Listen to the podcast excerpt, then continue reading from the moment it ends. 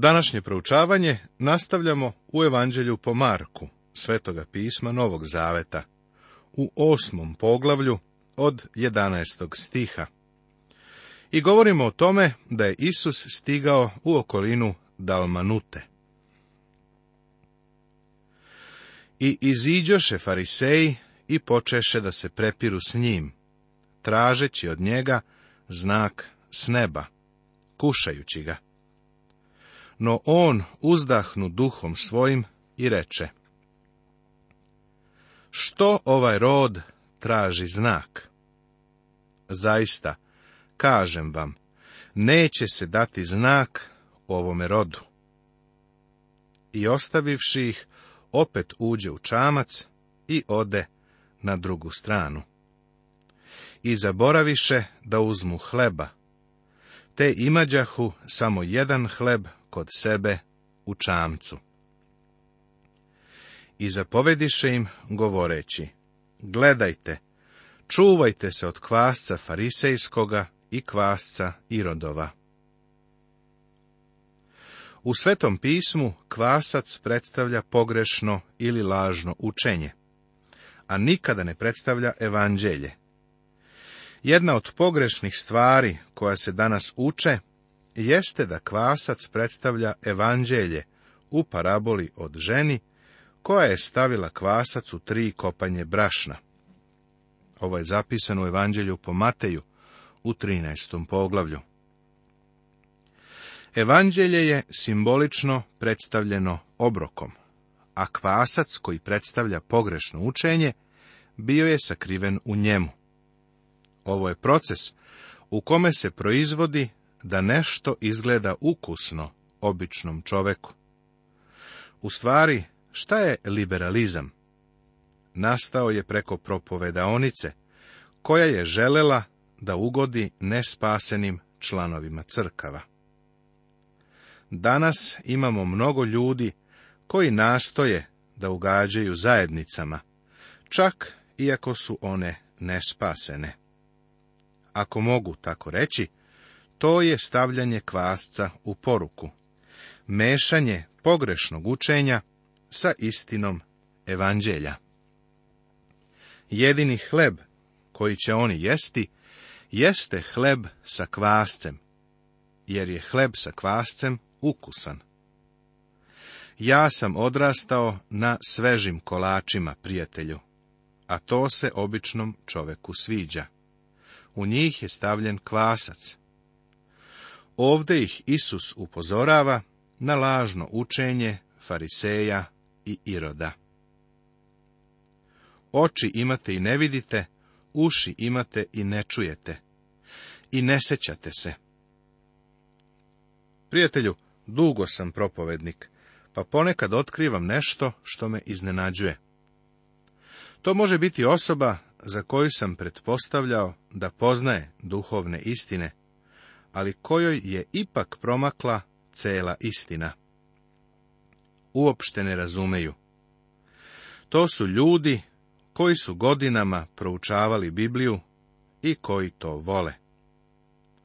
Oni su poput apostola koji imaju uši, ali ne čuju. Kada izlomih pet hlebova na pet hiljada, koliko kotarica punih komada podigoste? rekoše mu dvanaest. Kada sedam hlebova izlomih na četiri hiljade, koliko korpi punih komada podigoste? Rekoše sedam. I reče im, još ne razumete. Reč Božija je hleb života, jer reč Božija otkriva Boga. Hranimo se Biblijom i čuvajmo se lažnog učenja.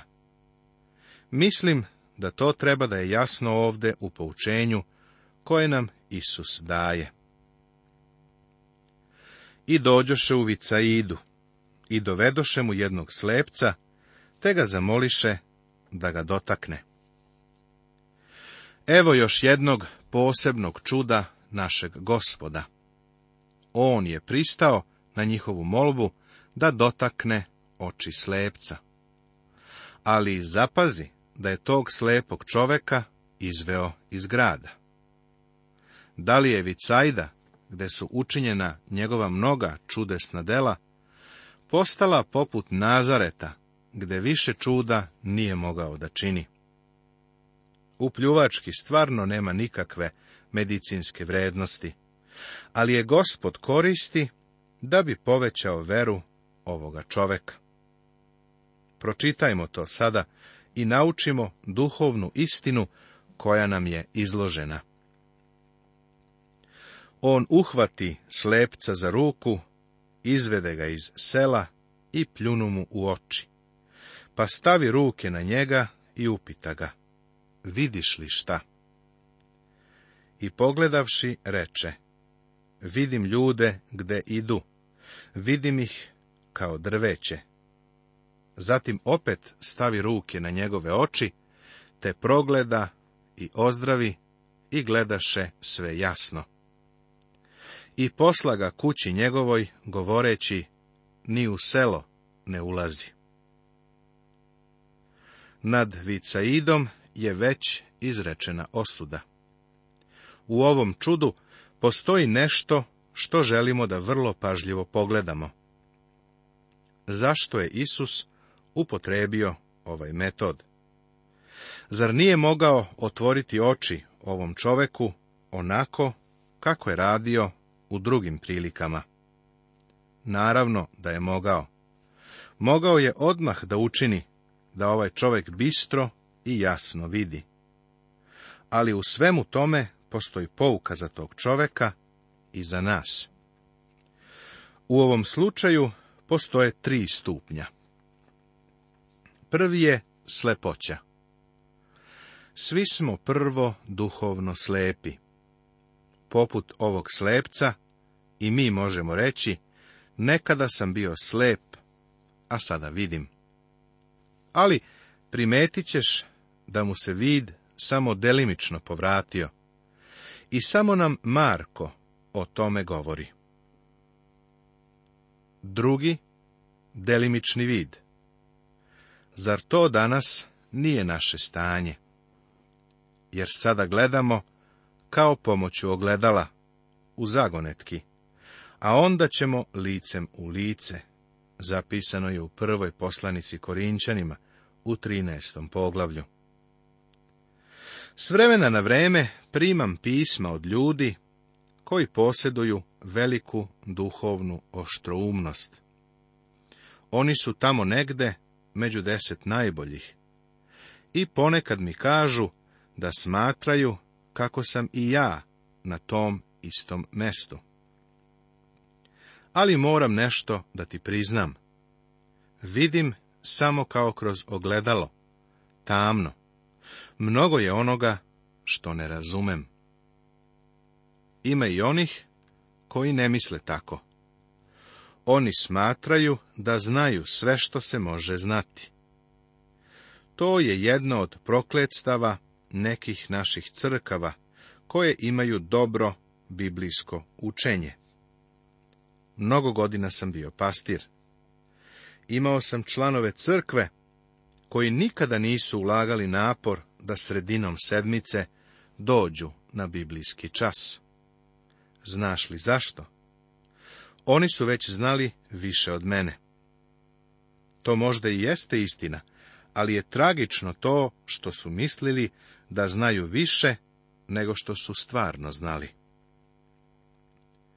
Sokrat je u svoje vrijeme izjavio da je najmudriji od svih Atinjana. To je sve ostale šokiralo, jer je bio vrlo skroman čovek. Zato su ga pitali šta je time hteo da kaže odgovorio je otprilike ovako. Ima mnogo Atinjana koji misle da znaju, a ja znam da ne znam. I pošto znam da ne znam, onda sam najmudriji Atinjanin. Ako smem da kažem, i danas je mnogo pobožnih ljudi koji misle da posjeduju znanje. Ali apostol Pavle kaže da mi sada gledamo kao kroz zatamljeno staklo. I to je stanje ovoga života. Ali, kada konačno budemo došli u njegovo prisustvo, znaćemo kao šta smo poznati. Biću srećan kada stignem tamo gore, gde ću još nešto saznati. Treći stepen je savršeni vid. Treći stadijum je savršeni vid.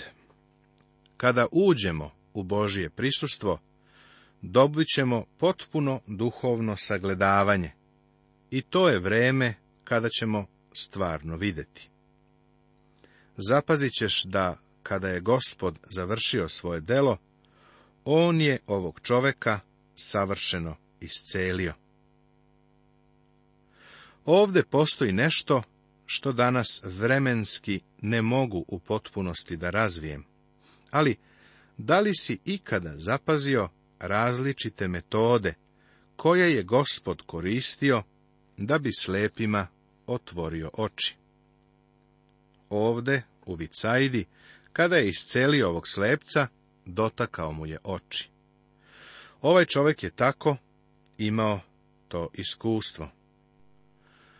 Kada je Isus iscelio slepog Vartimeja, nije ga dodirnuo, nego mu je sa daljine rekao, pa su njegove oči verom bile otvorene. Ali čoveku koji je slep rođen, rečeno je da ide u siloamsku banju i da se umije, što je sasvim drugačiji metod. Ovo prema Evanđelju po Jovanu, poglavlju devetom. Reći ćeš da je ovo absurdno? Naravno da jeste. Absurdno za to vreme, ali danas se baš tako radi. Ponovo bih rekao da u ovome leži pouka za nas. I izađe Isus i učenici njegovi u sela kod Kesarije Filipove, a putem pitaše svoje učenike govoreći im, šta kažu ljudi, ko sam ja? Ovdje je važno sljedeće. Ko je Isus? Isus je želeo da zna kako ga ljudi procenjuju. Prijatelju, važno je da budemo sjedinjeni sa njim i u njemu. Treba da uživamo u pravoj zajednici sa Isusom Hristom. Ako pogledaš na mapu, pronaći ćeš tri kesarije. Kesarija Filipova smeštena je na severu Galilejskog mora. Gospod Isus je na severu. Odatle će se vratiti i uputiti pravo ka Jerusalimu i krstu. Oni mu rekoše, Jovan krstitelj, drugi vele da si Ilija, a treći da si jedan od proroka. Oko njega je bilo mnogo zabune i zbrke. Sva mišljenja su bila visoka, ali ljudi nisu shvatili ko je on stvarno. No, on ih pitaše, a za koga me vi držite? Petar odgovori i reče mu, ti si Hristos. Ovo je bio njihov konačni ispit za prvu fazu Hristove službe. Još je šest meseci do krsta. Ovo je najlepše što je Petar ikada rekao. Govorio je u ime grupe. Marko nam daje samo deo priznanja. Hristos nije ime. Isus je ime. Hristos je titula. Na jevrejskom to je Mesija, što znači pomazanik. Ova titula je objedinjavala celokupno obilje značenja iz Staroga zaveta. Ovo je fragment koji u sebi sadrži puninu. Uporedi sa sljedećim stihovima. Knjiga proroka Miheja, peto poglavlje, drugi stih. Knjiga proroka Isaije, sedmo poglavlje, četrnaesti stih. Psalmi Davidovi, drugi, drugi stih. Psalmi Davidovi, 45. šesti i sedmi stih. I knjiga proroka Malahije, treće poglavlje, prvi stih. Ovo su samo neki starozavetni stihovi. Isus je došao da otkrije Boga. I zapreti im da nikome ne govore o njemu. Čemu ovo neobično upozorenje? Trebalo je da čekaju dok se ne upotpuni evanđelska priča. Pogledaj sljedeći stih. I poče ih učiti da sin čovečiji mora mnogo da postrada i da bude odbačen od starešina, prvosveštenika i književnika, da će ga ubiti i posle tri dana će vaskrsnuti. Isus svoju ličnost nije otkrio izvan svog dela otkupljenja. Spasenje zavisi od toga ko je on i šta je učinio. Ovde sada počinje završna faza njihove obuke. Baš ovde u Kesari Filipovoj Isus im je otkrio krst. I to govoraše otvoreno, a Petar ga uze nasamo i poče ga koriti. Čak su i sada bili nespremni da ovo prime. Ovo je najgore što je Petar ikada rekao. No on se okrenu i videvši svoje učenike, ukori Petra i reče, idi od mene, satano, jer ti ne misliš o onom što je božansko, nego o onom što je ljudsko. Isus je ovu izjavu pripisao Sotoni. Sotona poriče vrednost Isusove smrti. I dozvavši narod sa svojim učenicima, reče im, Ko hoće za mnom da pođe, neka se odrekne samoga sebe, pa neka ponese krst svoj i ide za mnom, jer ko hoće da spase svoj život, izgubit će ga ako izgubi svoj život zbog mene i evanđelja, spašće ga. Jer šta koristi čoveku da zadobije sav svet, a život svoj izgubi? Jer šta će čovek dati u zamenu za svoj život? Jer ko se postidi mene i mojih reči u ovom preljubotvornom i grešnom rodu, njega će se postideti i sin čovečiji, kada dođe u slavi svoga oca sa svetim anđelima.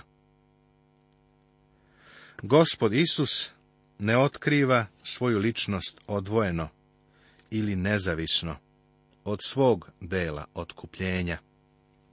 Nakon što je Petar priznao ko je Isus i nakon što su ostali to stvarno uvidjeli i poverovali, Isus im je odmah rekao. Sin čovečiji mora mnogo da postrada i da bude odbačen od starešina, prvosveštenika i književnika, da će ga ubiti i posle tri dana će vaskrsnuti. Ovo je 31. stih u osmom poglavlju Evanđelja po Marku. Svetoga pisma Novog Zaveta. I onda navodi odeljak koji smo već citirali. On ovde ne postavlja uslov spasenja, nego govori o stanju onih koji su spaseni. O tome govori. Kogod se postidi mene. Kakav si danas ti hrišćanin? Da li si neko koga priznaje i komu služi i trudi se da ga proslavi. Prijatelju, jedino je to važno u danima u kojima živimo. Poglavlje deveto Sada dolazimo do devetog poglavlja Markovog evanđelja. I tu pronalazimo zapis o preobraženju. Ovaj izveštaj možemo naći u prva tri evanđelja, u takozvanim sinoptičkim evanđeljima. Marko nam detaljno govori o tome da dok se na brdu odvijelo preobraženje, da su se učenici u podnožju planine pokazali vrlo neuspešno. Iz jednog dečaka nisu mogli da isteraju demona. Onda Isus ponovo objavljuje svoju smrt, a učenici se prepiru oko toga ko je najveći. Isus ukorava njihov duh, sklon podelama i upozorava ih na pakao. Tako, ovo je još jedno poglavlje nabijeno dinamitom u evanđelju akcije. Marko je uobičajeno sažeti od ostalih evanđelista ali o preobraženju daje duži izveštaj. Nastavit će se.